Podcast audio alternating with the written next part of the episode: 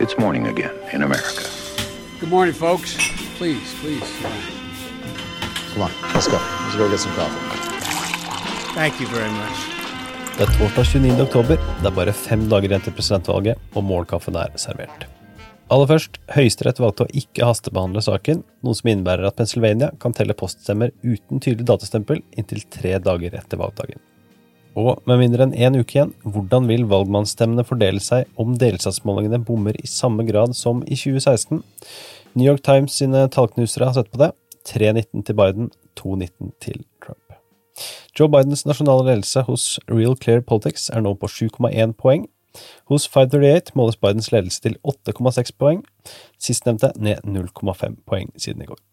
Og Cook Political Report, som løpende analyserer status i valgkampen og gir sine tips, har flyttet Texas fra lean republican til toss-up, og mener altså at det er helt åpent om delstaten til slutt vil gå for Donald Trump eller Joe Biden. Dagens første sak, Anonymous, er Miles Taylor. Tidligere stabssjef i Sikkerhetsdepartementet, Miles Taylor, sto onsdag fram som den anonyme forfatteren av en krass kronikk i New York Times i 2018 og en bok det følgende året. 2018-kronikken beskrev en gruppe embetsmenn som jobbet i det stille for å bremse Trumps agenda, og den førte til en klappjakt innad i Trump-administrasjonen etter forfatteren. Måten kronikken ble presentert i New York Times gjorde at mange trodde det var et langt mer kjent navn som sto bak, og det ble spekulert i om Kellyanne Conway, Jeff Sessions eller selveste visepresident Mike Pence kunne være forfatteren. Taylor sto fram med kritikk av Trump allerede i sommer, ett år etter at han forlot departementet, da han ga en offentlig støtteerklæring til Joe Biden. Det er først nå det kommer fram at Taylor var anonymous. Dagens andre sak – mye penger i senatsvalgkampene. Demokratiske senatskandidater har brukt mer penger på radio- og TV-reklame enn republikanske kandidater i nesten alle delstater der det er mulig å tenke seg demokratisk seier.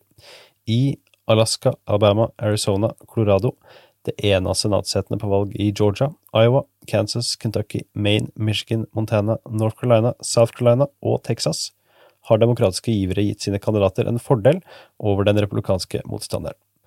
Den eneste valgkampen hvor det er reell kamp og republikanerne har brukt mer, er i spesialvalget i Georgia, der det er to republikanske kandidater, senator Kelly Loeffler og kongressmann Doug Collins, og i hovedsak bare én demokratisk kandidat, Raphael Warnock. Dagens tredje sak – målingsbølge inn mot valget. Det kommer masse målinger fram mot valgdagen, og vi gjengir bare en liten andel her.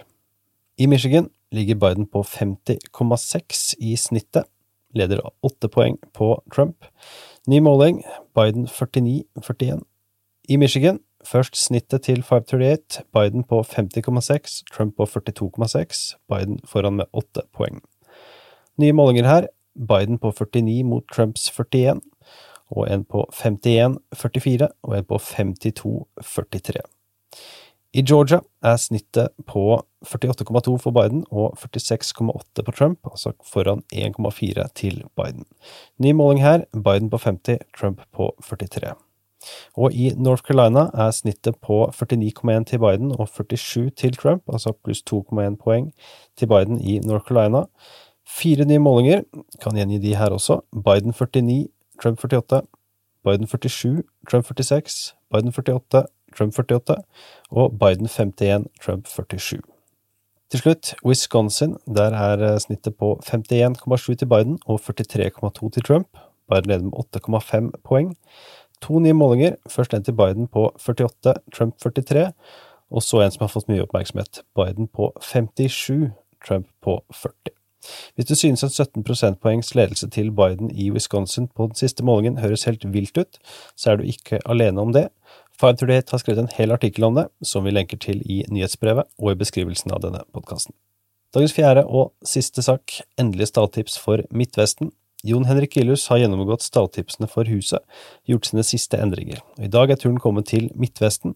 Han spår endringer i representasjonen for noen distrikter, men du må lese artikkelen for å finne ut hvilke det gjelder. Følg med på amerikanskpolitikk.no for å få med de siste stalltipsene for delstatene lengst vest. I morgen publiserer vi ikke Morgenkaffen, da publiserer vi isteden en ny utgave av 2020 som du må få med deg.